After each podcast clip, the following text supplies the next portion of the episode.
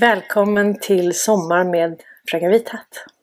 Idag är det, vad är det för datum idag? Den tionde. Och nu försvann min bild. En sekund. Ja hörni. Det är så värdefullt att få all eran eh, input på allt det, det galna som händer. Det som skiljer oss kan man säga från eh,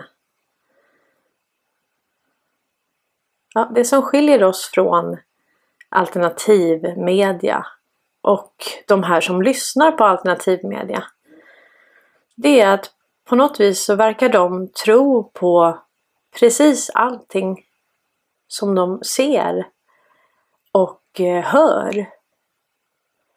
De förstår inte det här med eh, strategi, spel i spelet, överraskningsmoment, stingoperation,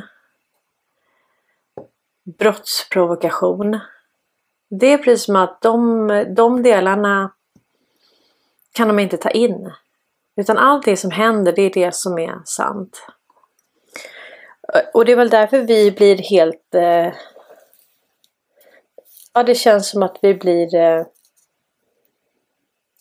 förvirrade, som att vi lever i parallella universum för att vi vet att det som händer, som media rapporterar och som eh, rapporteras, det är inte det som, som händer. Och det kan vara förvirrande. Och ni vet alltid när det kommer en hype från tusen håll så blir man alltid lite... Då är liksom nästa sak som ska distrahera alla. Och det känns som att den här The Sound of Freedom jag försöker att dela allt som jag kommer över om det. För att vi ska få en så bra, bra bild som möjligt. Och det är inte så att man inte kan använda någonting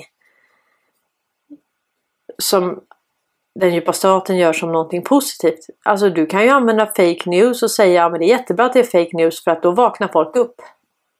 ja, det är mycket möjligt att, att man kan tänka så men jag tror ändå att man ska liksom ställa folk till svars för, för vilseledning. Det här har vi pratat om. Eh, vi bara undrar är här. Hej! Vad kul! Nej, nu blinkar den här kameran igen. Eh, jag tror att jag gör så att jag tänkte Martin Stensö. Vi ska kika lite på vad han sysslar med. Och när han inte gör då alla de här eh, eh, analyserna. Jag tror han har gjort 13 eller 14 stycken nu av eh, FOIs rapport En rutten demokrati. Som är 263 sidor av total nonsens. Kumbaya. Eh, ja, blaj helt enkelt. Men han har i alla fall analyserat det här med eh, det var ju en motdemonstration igår på Medborgarplatsen och polisen säger att det var 4000 pers där. Och vad tror ni Stensö hittar? Att folk i publiken har Marshall-hörlurar. Och det visar sig att polisen har ju köpt in många sådana Marshall. Så det är så de har kontakt. Och det var även under eh, pandemin, alltså demonstrationen under pandemin. Demonstration mot koranbränningar på Medborgarplatsen 9 juli 2023. Hur är det möjligt att jag helt missat att demonstrationen ska äga rum och nås av informationen först i efterhand? SVT Nyheter publicerat idag 13.46, uppdaterat idag 16.26. Demonstration mot koranbränningar Polisen, 3 4 000 deltagare. Flera tusentals personer samlades på Medborgarplatsen under söndagen för att demonstrera mot koranbränningarna i Sverige. Det har, det har inträffat flera uppmärksammade koranbränningar som upprört flera muslimer i olika länder. Den senaste var utanför en moské i Stockholm. Islamiska förbundet står bakom motdemonstrationen på Medborgarplatsen och i tillståndsbeviset förväntar man sig 800-900 deltagare och cirka 1000 besökare.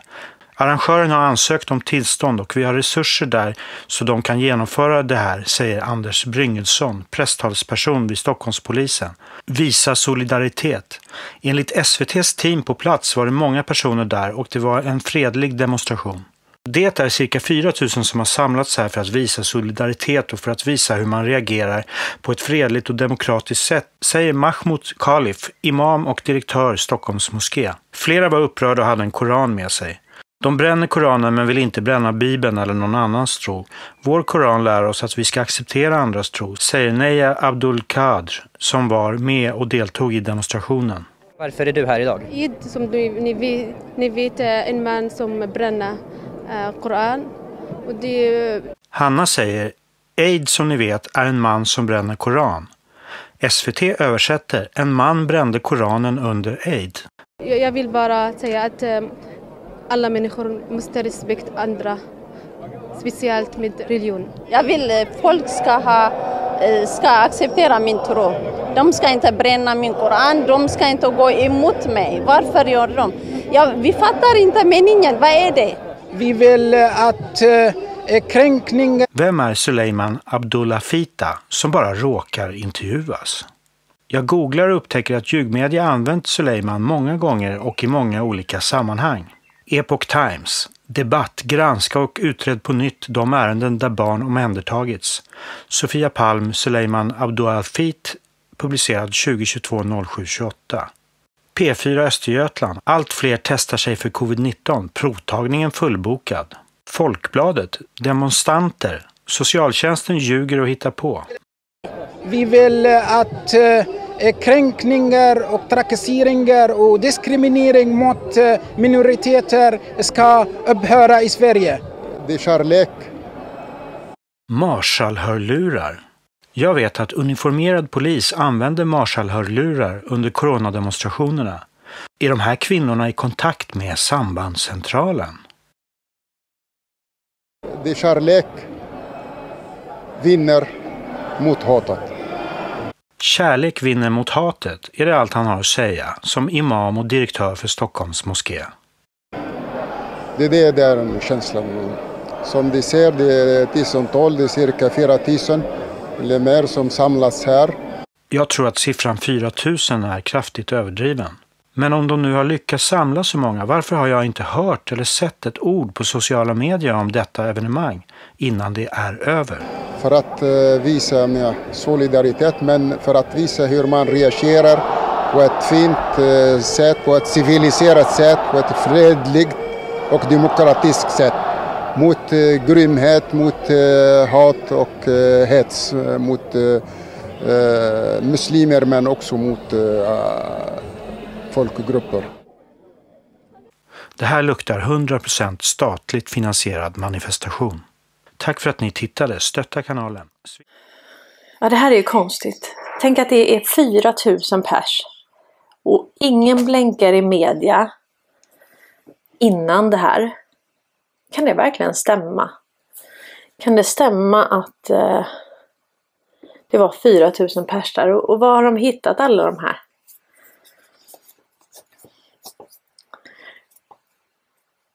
Jag tänker att eh, det här med koranbränningarna det är ett sätt att få människor att titta på Sverige. Nej. Det... Ser ni mig nu? Ja. Det är något vajsing med min kamera. Det här är ett sätt att få uppmärksamheten till Sverige, vänja oss vid tanken att vi inte kommer bli så omtyckta. Ja, det, det är det som jag... Det ska bli väldigt spännande faktiskt att se hur det här utspelar sig. Man kan väl lugnt säga att de bygger en optik. De förbered, förbereder myllan för någonting väldigt, väldigt spännande faktiskt. Ja, vi får se. Och det är ju faktiskt, omvärlden har ju ringat in det här.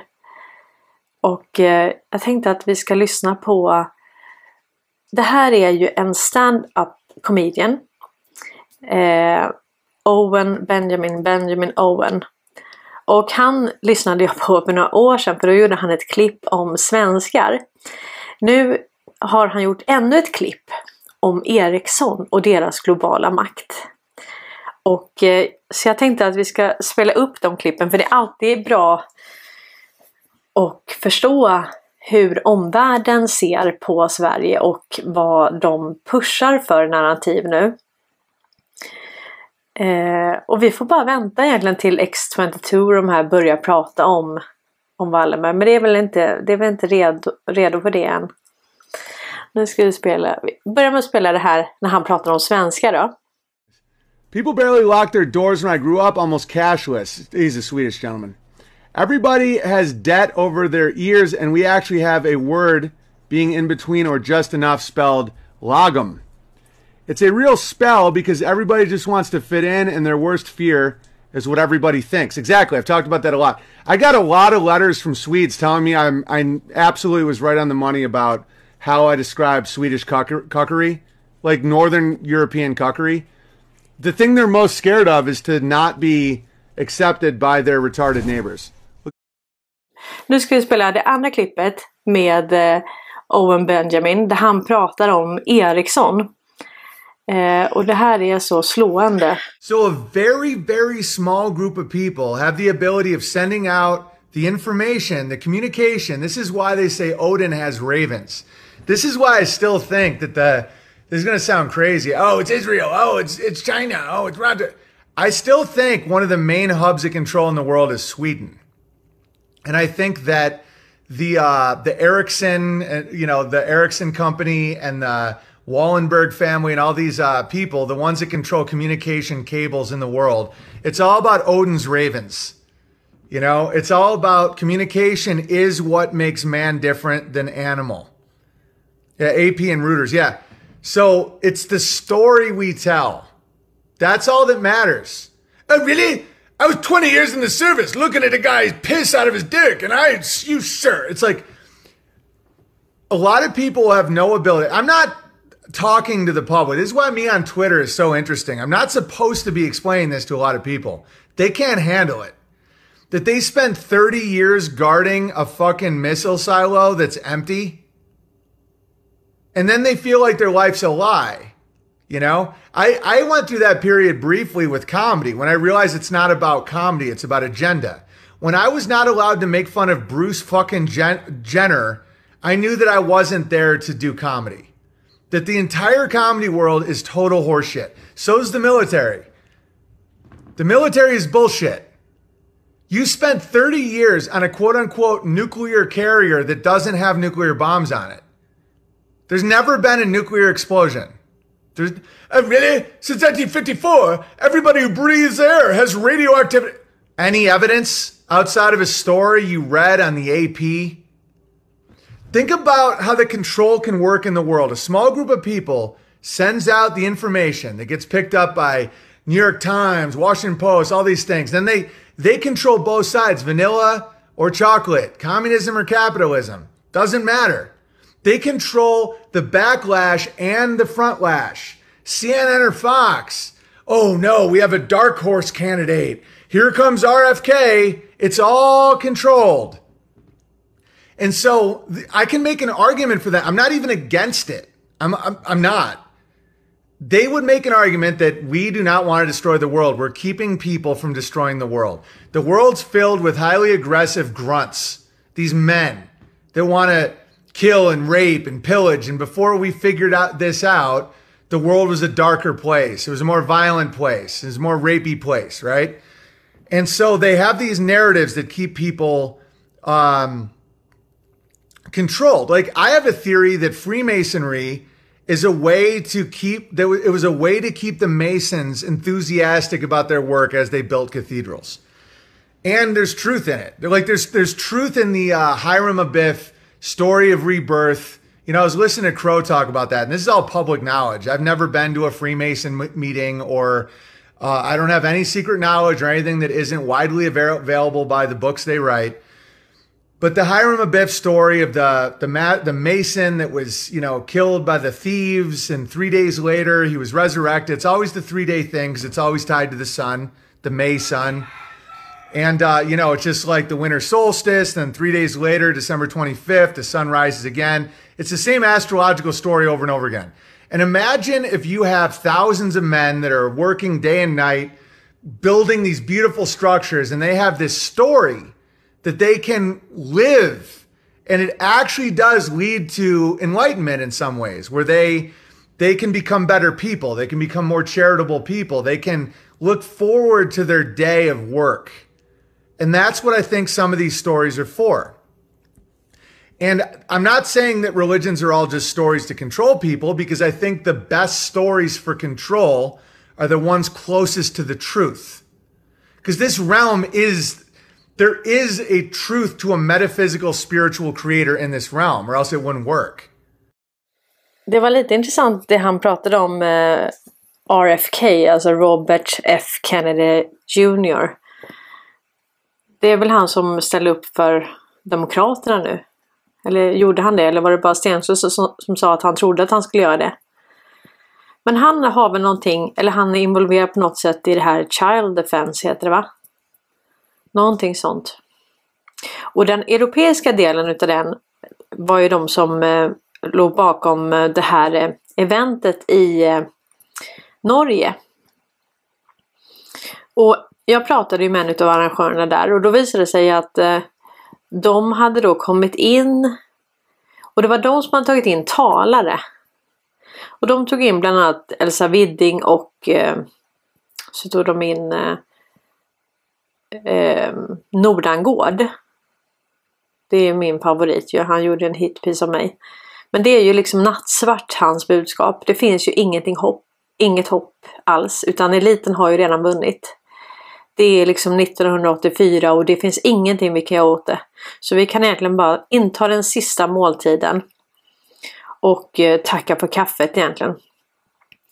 Och jag, får, jag fick ett mail igår och jag får lite mail ibland så här. Men Cornelia, sluta kritisera andra. Eh, vilka är det jag ska sluta kritisera? Ska, ska jag sluta kritisera den djupa staten? Och den djupa statens marionetter? Det jag gör i den här kanalen det är att jag exponerar korruption, lögner, propaganda, skrämselpropaganda så att vi kan komma till rätta med det här och få en bättre verklighetsuppfattning. Och då ingår det i att exponera det här. Så om du har tongivande aktörer som bara sprider halvsanningar. De presenterar den ena bilden men aldrig hela bilden. De kommer liksom aldrig till, till skott och går på kärnan. Och då om folk lyssnar på det så blir de väldigt rädda. Sen får man avprogrammera dem ett tag för att de är fortfarande så rädda. De är rädda för allt det de ser omkring sig. Och så kan vi inte ha det. Vi kan inte gå runt och vara rädda. Eh. Precis. Children's Health Defense skriver eh, Annette här. Eh. Men man hör direkt vilka som följer de här för att det, de har inget hopp. Men om det inte finns något hopp, om de redan har lyckats och om alla är med eliten. Vi har ju haft New World Order sedan 1947. Vi har haft ett totalt kontrollsystem. Där Ericsson och den djupa staten har kontrollerat både front-end och back-end. Som Owen Benjamin pratar om här. Jag menar, har du det informationsövertaget hela tiden att du kan avlyssna allt och alla. Då är det ju inga överraskningar. Det kan ju inte bli ett överraskningsmoment. Om du har all, all information. Och har du då kvantdatorer och algoritmer och AI så har du kunnat du har kunnat katalogis katalogisera den informationen du kan fånga upp nyckelord så det är inte Vissa tänker så här, ja, men det är en som eh, sitter och, och lyssnar på allt det där. Nej, det är AI. Så att den fångar upp viktiga ord. Och sen får de ut precis bara de orden. Och därför kan de läsa av extremt mycket data på väldigt, väldigt kort tid. Så funkar det ju. Och det är så AI funkar, att den tar all den här metadatan som finns på alla plattformar, som finns på hela internet. Allt det vi pratar i telefon, det vi mejlar och så, så fångar den upp hot. Den fångar upp eh, uttryck. Den fångar också upp om det är så här häftiga patent alltså på gång eller häftiga uppfinningar. Då ser de till att de här uppfinningarna kom, de når aldrig marknaden. Eller så de blir alltså uppköpta och nedlagda innan. Och det är det vi väntar på att eh, det är ungefär 6000 patent. Så väldigt mycket uppfinningar finns ju. Fri el, alltså botemedel mot en mängd sjukdomar. Men varför har man inte velat släppa det till allmänheten? Nej, för då, det, då kan ju inte de kapitalisera. Vi, vi har en diskussion på Facebook nu om olja. Att olja är liksom en outtömlig resurs. Men om det är en outtömlig resurs, då var det en som skrev så här, ja men då borde vi alla kunna ha rätt till det. Ja, det borde vi kunna ha. Men då är det inga som kan kapitalisera på det. För det första vill de kapitalisera på det. För det andra så har, handlar det om petrodollarn. De har ju säkerställt då att oljan alltid handlas i dollar. Och det är den förändringen vi ser nu. För nu handlar man ju olja i lokal valuta. Saudi, Kenya och så vidare. De handlar ju olja i lokal valuta. Och precis, Tesla, Nikola Tesla, han har en mängd uppfinningar. Och det var ju eh, Donald Trumps, vad blir det, farbror som jobbade för ett universitet. Vi ska se. Och man tror i alla fall att de här patenten, de la den här Trump, farbrorn, han la beslag på dem för att inte de skulle kunna förstöras. Och det är det vi, ren spekulation, men tror att Donald Trump har idag. Eh, så det här går ju att googla. Och det är lustigt bara att hans, hans uppfinningar, de lyfte aldrig. Han fick inte finansiering till dem. Eh, han föddes då 10 juli 1856. Och han dog 7 januari 1943. Eh, och han dog då i New York. Eh, och det han höll på att forska det var ju fri el, eh, helt trådlös kommunikation. Tänk om kommunikation också är helt fri. Obegränsad. Vi kan bara använda eh, jätteenkelt, helt gratis teknologi för att kunna kommunicera trådlöst. Och här var det i alla fall, eh, det står faktiskt rätt mycket nu på Har ni märkt det? Wikipedia har ju verkligen öppnat upp och, och skriver väldigt mycket eh, om det här. Va? Så Donald Trump han har ju också pratat om, om sin farbror. Eh,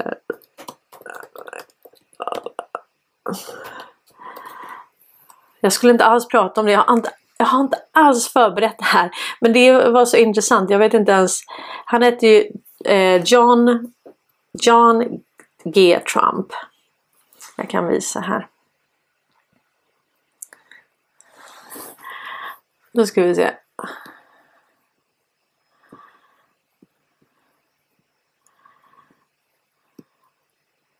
Och eh, vad var det han jobbade nu? Ja. Han jobbade för Massachusetts Institute of Technology.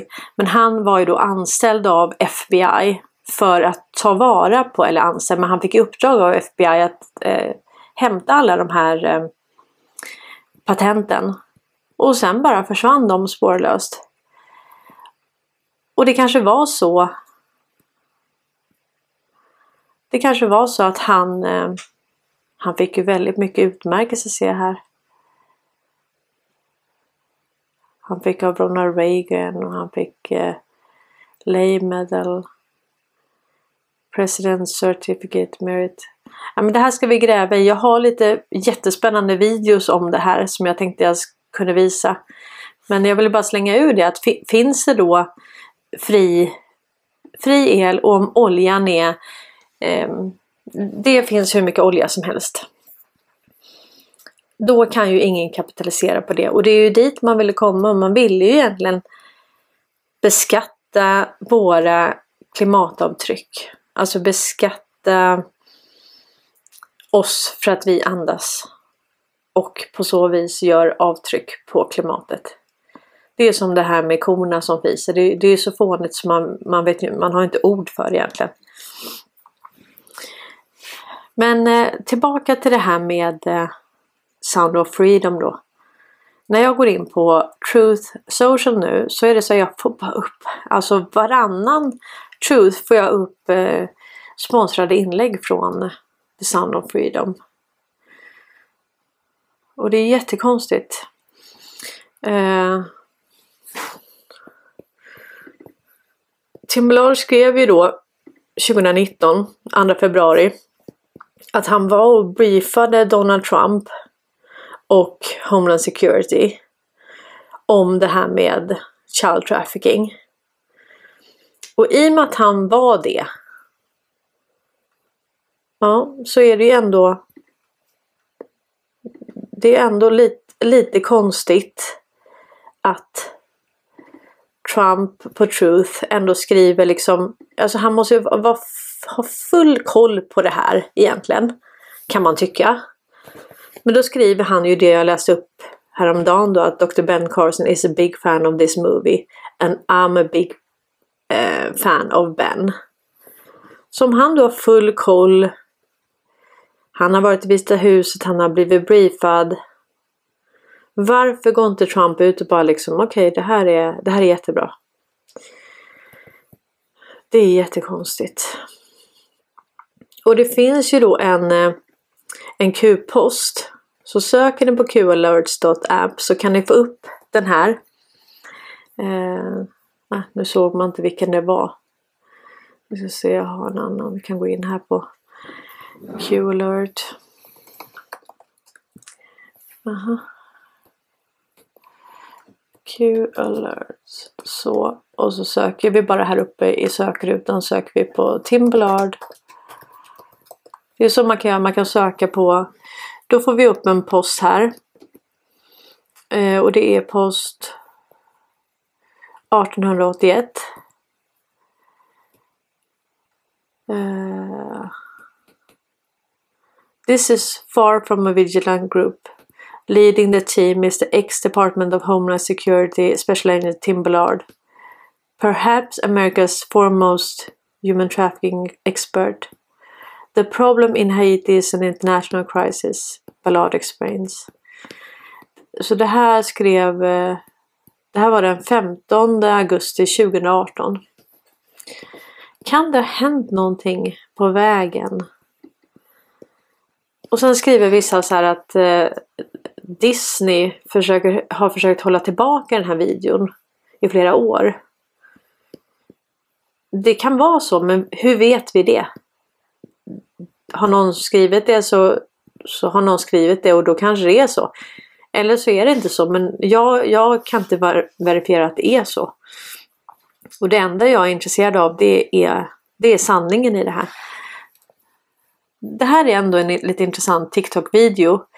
Den här killen har jag följt ett tag och han, han kommer då och då med riktigt sådana vassa Eh, så vi, vi kanske ska vi lyssna på honom också. Jag tänker vi släpper fram alla sidor. Vad tycker ni om det? Vi, vi släpper fram alla sidor i det här. Eh,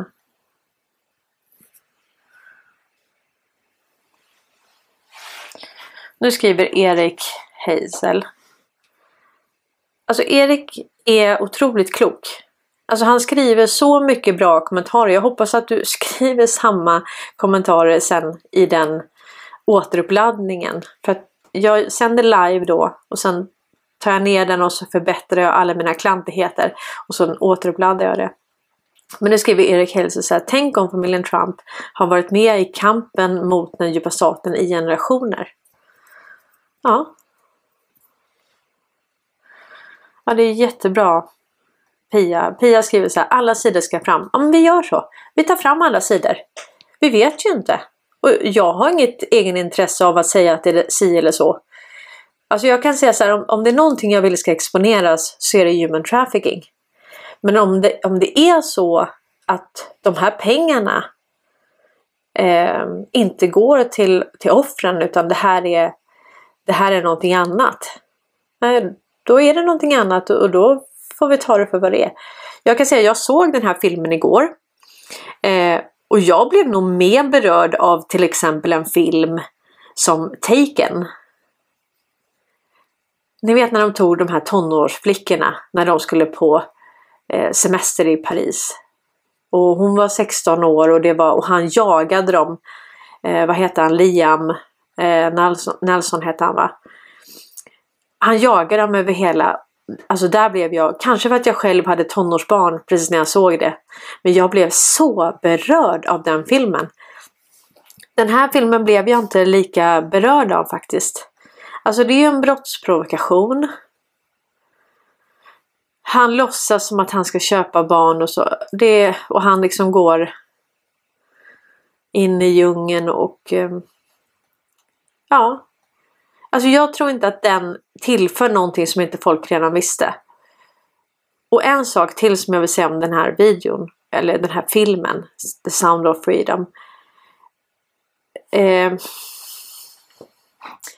det känns inte som en lågbudgetversion, tycker ni? De åker ju, tänk dig med alla de där polisbåtarna och de har hyrt en hel ö. Och eh, de är kors och tvärs. De är i USA och de är i Honduras och, tror jag, och de är i Colombia. Och det känns inte som en lågbudgetfilm. Någonting är skumt alltså. Jag tror inte att den är bara, nej, nej vilseledande är den absolut inte. Nej. Eh, Sanna frågar här att, eh, att filmen är Colombia, jag har inte sett den, den är större än så vilseledande. Nej, Sanna, jag tycker inte att den är vilseledande.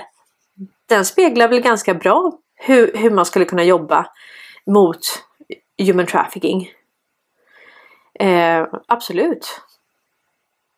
Men jag, jag, tycker inte att den liksom Den fick inte mig att bara åh eller jag tror inte att den får andra ska jag säga för jag har redan kämpat för det här med barnen i flera år men jag tror inte de får så åh, vad kan vi göra? Så här kan det inte fortgå. Utan det här var en film, det var fiction. Och den var inte lågbudget. Eh, nu ska vi kolla på den här. Sound of Freedom is a scam. Prove me wrong. It's a money making scam. And these people, they use something so horrendous like human trafficking and they exploit us, God's children, to fall for it. But then there's these contribution goals and and I had people share some of them. And there were a lot of really beautiful emotional goals they want to do for their family, want to do for the world. And one woman stood up and she was so emotional. And she said, You know, I have a dear friend whose child was trafficked. And she said that for four years they went after this child trying to find it and worked with this organization. And they finally freed and found this child. And she said, I, I, just, I want to someday, I want to do something, you know, in this area. And I said, well, my experience is now is the right time, you know? So I said, how about this? I said, how much does it cost to save a child? And I think at that time she was talking about $2,500, $3,500. And I said, to save a child's life, that's it? They said, yeah. And I said, we have this audience, you know, a couple thousand people. I said, I'll put up the first quarter of a million dollars of matching funds. You guys match me up to 250 and we'll make it work and it was it was one of the most beautiful things I've ever seen. I've done it so many times since then, as Tim knows. And people started standing up out of the aisles and coming down to give us their card to make their commitment. I said, just write down what you'll commit. You know, I'll match it. You know. And we went to 1.2 million dollars in a oh, period of awesome. 30 or 40 minutes, and they were just I was crying. Everybody's crying. And this is Angel Studios, also frauds. Two brothers, both Mormons. And if you look at their old company, Vid Angels, they just got sued, 60 odd million. The judge has just recently ordered them to pay 9.9 million over 14 years. They're con men, and now they're doing it again. And then, uh, two, we started building an audience through crowdfunding. Instead of going into a big bank or a big studio and saying, "Hey, cut us a check for one, two, three million dollars for P and A," so instead of going to one person to cut a check, let's go to the crowd because that's how we've done. You know, we crowdfunded The Chosen, we crowdfunded Dry Bar, we crowdfunded all of our TV shows. Let's, let's go to the crowd, and crowdfund is only Sun's P and A budget, and so we crowdfunded a million and one point two million dollars in less than hundred hours, and we were like, "Whoa, that was way faster than we expected." And so it's really important that people do two things that they, if they have the resources, go buy tickets right now, because that sends the signal to people and the theaters and gives them the courage to say, we're going to give more screens to Sound of Freedom. And that means they're pulling screens away from potentially Indiana Jones or Mission Impossible, or whatever it is. So we have to give them that courage to be able to do that by buying tickets in the pre-sales. but the second thing is, but the second thing is being able to pay it forward for someone else. Yes. So if someone doesn't have the resources, they can go. So we've already gifted from people who have paid it forward over, I think, 150,000 tickets around the hmm. United States. and we're just getting started. These topics are so dark that most people don't take the time to go and look into it. They just listen to the word of people that use God and hide behind scripture. It's a money making scam. And Tony Robbins if you see who he's associated with, phone call where a child is suicidal or the President of the United States calls and says they're going to impeach me in the morning. What should well, I that, do? But that actually happened. Bill Clinton actually called you the night before, Yes. 1998, and said, Tony, they may be impeaching me in the morning. What should I do? What an extraordinary position of responsibility Well, I'm you sure had. I'm not the only person he calls. No, you're one of the people he called. By any stretch, yes. the Clintons, then you start adding it all up. And I've got a personal story when I was on a retreat with Deepak Chopra in Hawaii a few years ago, and the same sort of thing happened. At the halftime break, he had this speaker that come on. She was dressed to the nines. It was an act. And she said about this horrendous story of her brother got kidnapped and he was suicided. And the guy donated a million dollars out of nowhere. From the back of that, everyone else starts donating. They lied to you. And ever guess who Deepak Chopra was very good friends with too? So later, of course, I had the fortune to meet great people, including President Clinton, who's an amazing person because he shares the characteristics of great charismatic leaders. He's totally in the moment when he's talking to you. He's not distracted. Um, he radiates um, warmth, and actually, he's very sure of himself. You know. This is the war. It's a lot deeper than just human trafficking. It's everyone involved in it. And they're using God to hide behind. And this is what it all comes back to. So, guys, zoom out, pay attention. It's all in our face. It's so obvious.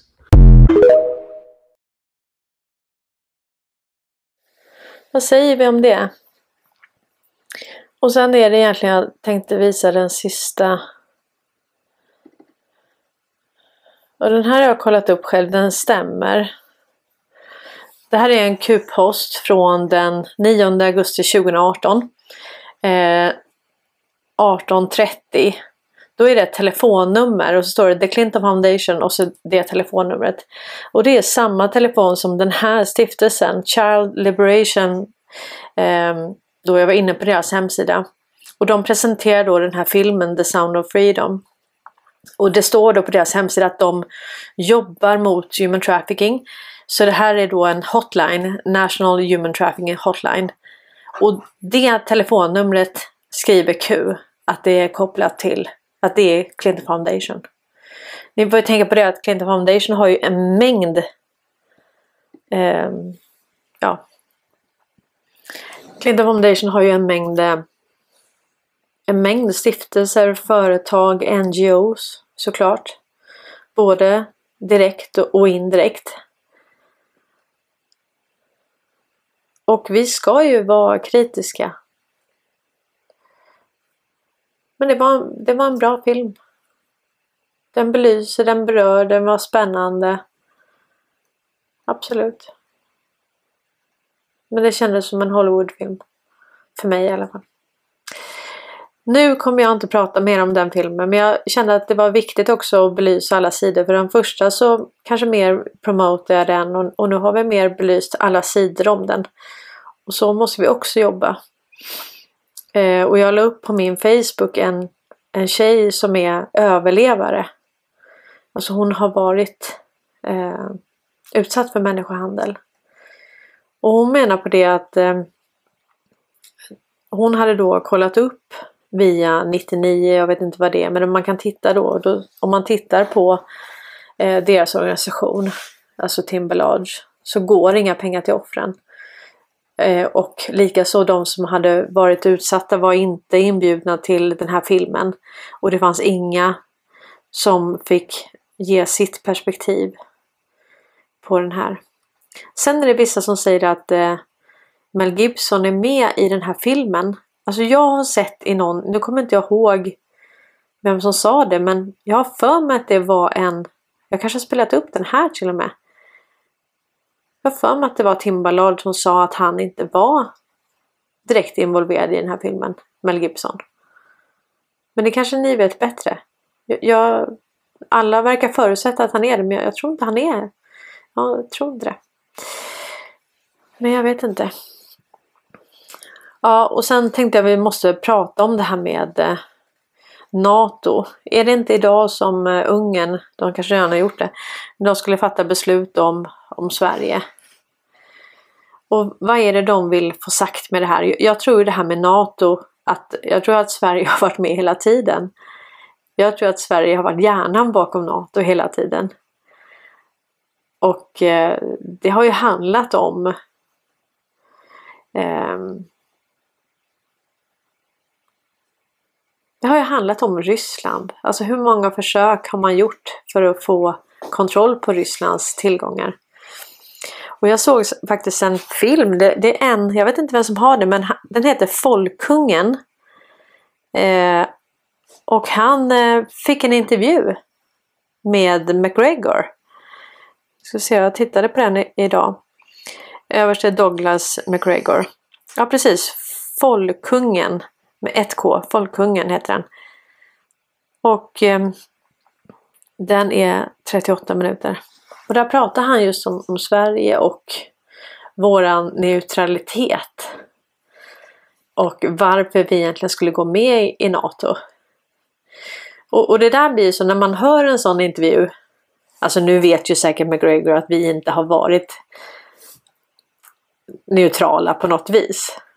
Men spelet måste ju fortgå och det är det här jag menar att eh, vi, vi som vet, vi blir nästan lite, lite knäppa.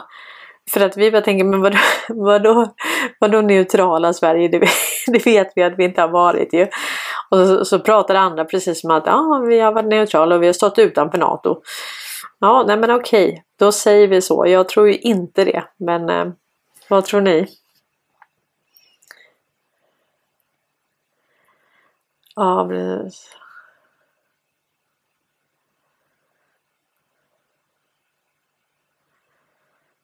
Marcus Sandberg skriver, det är helt rätt, korrupta människor ska fram och det är bara där det ingår kritik mot andra. Som till exempel. Ja men alltså det är, det är ju... Eh, det finns ju många grindväktare. Alltså vi, vi, har, vi har ett system som har verkat utan att synas i flera hundra år. Vi har ju inte vetat om hur lurade vi har blivit med allting. Vi har ju trott att alla de här organisationerna är för oss. Vi har trott att vi har haft en demokratiska val och att vi faktiskt ändå... Eh, ja, vi har väl vetat att vi har eh, någonting och, eh, eller vi har trott att vi har någonting att säga till om på något vis. Sen har vi ju någonstans vetat att, ja men okej du röstar på det och sen är det ändå inte det som som blir utan sen gör de någonting annat. Så det har ju liksom skavt i oss hela tiden att vi har ju vetat att nej men de gör ju ändå inte det som de säger att de ska göra. Så att förtroendet för politiker måste ju vara noll och ingenting. Och det är det ju egentligen. Men samtidigt så är det så att vi har inte haft så mycket alternativ utan då har man ändå det sista som överger människan, det är väl ändå hoppet. Så vi har väl hoppats på att nu kommer någon, nu kommer någon, nu kommer någon. Eh, Birte Haugemo skriver så här, Sverige har varit med i NATO en längre tid, sedan 1954? Frågetecken. Ja.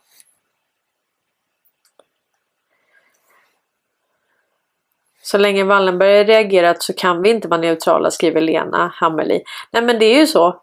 Jag menar, hur kan vi vara neutrala när vi säljer vapen till båda sidor? Och när vi skickar ner våra medlare, våra tre sändebud eh, Eliasson, Bildt och Persson, Göran Persson. Då skickar vi ner dem till till exempel Ukraina och sen efter det så blir det en kupp där. Ska vi hjälpa dem med ekonomi och eh, dem, demokrati och ekonomiutveckling. Ekonomiutveckling i Ukraina. Är det någon som tror att det är ett rikt land? Ingen korruption utan det är demokratiskt. Och det bara blomstrar ekonomiskt. Ja, det, har inte hänt, det har inte gått på det hållet i alla fall sedan 2014. Det tror inte jag i alla fall. Jag kan ha fel. Ja, valen är riggade, absolut. Eh, Anette skriver, det blir spännande att se vad som händer där i Vilnius. Ja. Det känns ändå som att det är, även fast det är så stora saker som, som händer och man bygger upp eh, för ett scare event. Så är det på något vis ändå distraktioner hela tiden och, och det känns ändå som att det är lite stiltje. Men den här demonstrationen med 4000, det känns som en distraktion. Faktiskt den här filmen också, The Sound of Freedom, känns också faktiskt som en distraktion i det här läget. Jag vet inte om det känns... Ja, jag vet inte. Jag... Marie skriver, jag trodde Sverige grundade NATO. Ja, men det tror jag också. Så är det väl. Absolut, absolut. Ja. Nu är det fem minuter kvar. Jag kommer vara i tid idag. Försöker ju köra en timme. För er som vill lyssna på eh, vad heter det? lyssna på, på allsången. Nej, inte allsången. Vad, vad säger jag? jag? jag? menar ju inte det. Jag menar det här eh, Sommar. Sommar i P1. Jag tänkte jag vet inte riktigt om hon förtjänar vår uppmärksamhet. Men, men vi kanske kan... Eh, vi kan väl lyssna på Charlotte von Essen. Tänk att vi har en Säpo-chef. Säpo.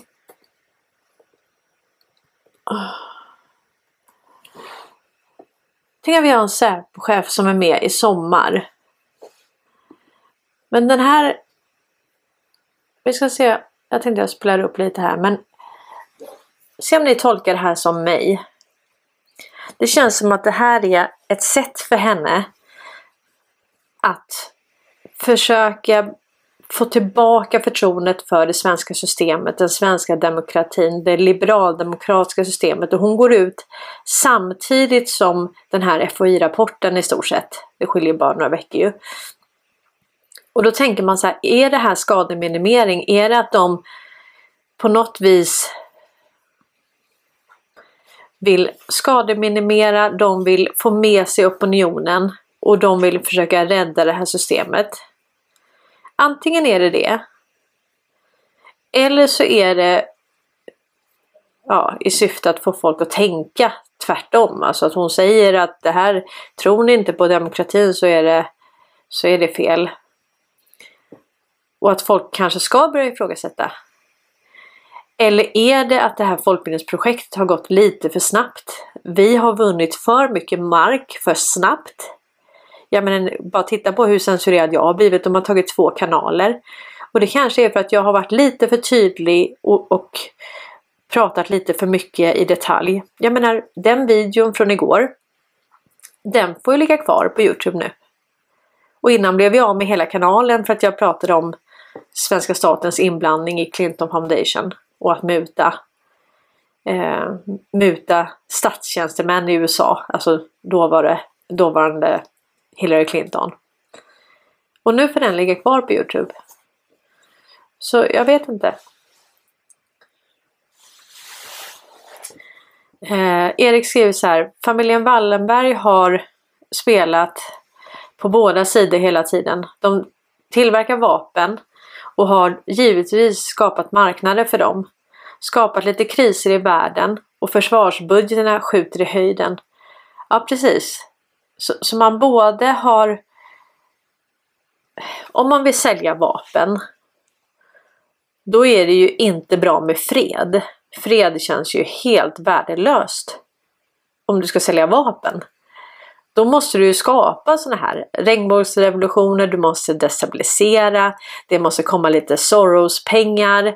Så du har sådana här NGOs och organisationer, stiftelser under dig som hela tiden kan skjuta pengar till olika saker. Och eh, nu verkar pengarna sina. Det om man då får eh, sparka 40% av eh, sin arbetsstyrka globalt då, då har man lite problem. eh, Sverige utbytbar, båda sidor genom neutraliteten, kontrollerar makten över båda sidor. Wallenberg styr, kontrollerar båda sidor. Precis, Gud jag kan inte riktigt säga ditt namn. Jag tror att du är isländska, hon är så härlig, hon delar och är så krigarsyster. Världens finaste. Eh, vi ska se om vi kan lyssna på den här. Nu kanske du ligger där i hängmattan och förfasas över en dystra bild som jag målar upp av vår samtid och det säkerhetsläge vi befinner oss i. Och ja, ja, tyvärr är den på många sätt oroväckande. Ett och ett halvt år har passerat sedan jag och resten av världen väcktes av beskedet om Rysslands invasion av Ukraina. Inget tyder på att kriget kommer bli något annat än långvarigt och säkerhetsläget i Europa är fortsatt svårt.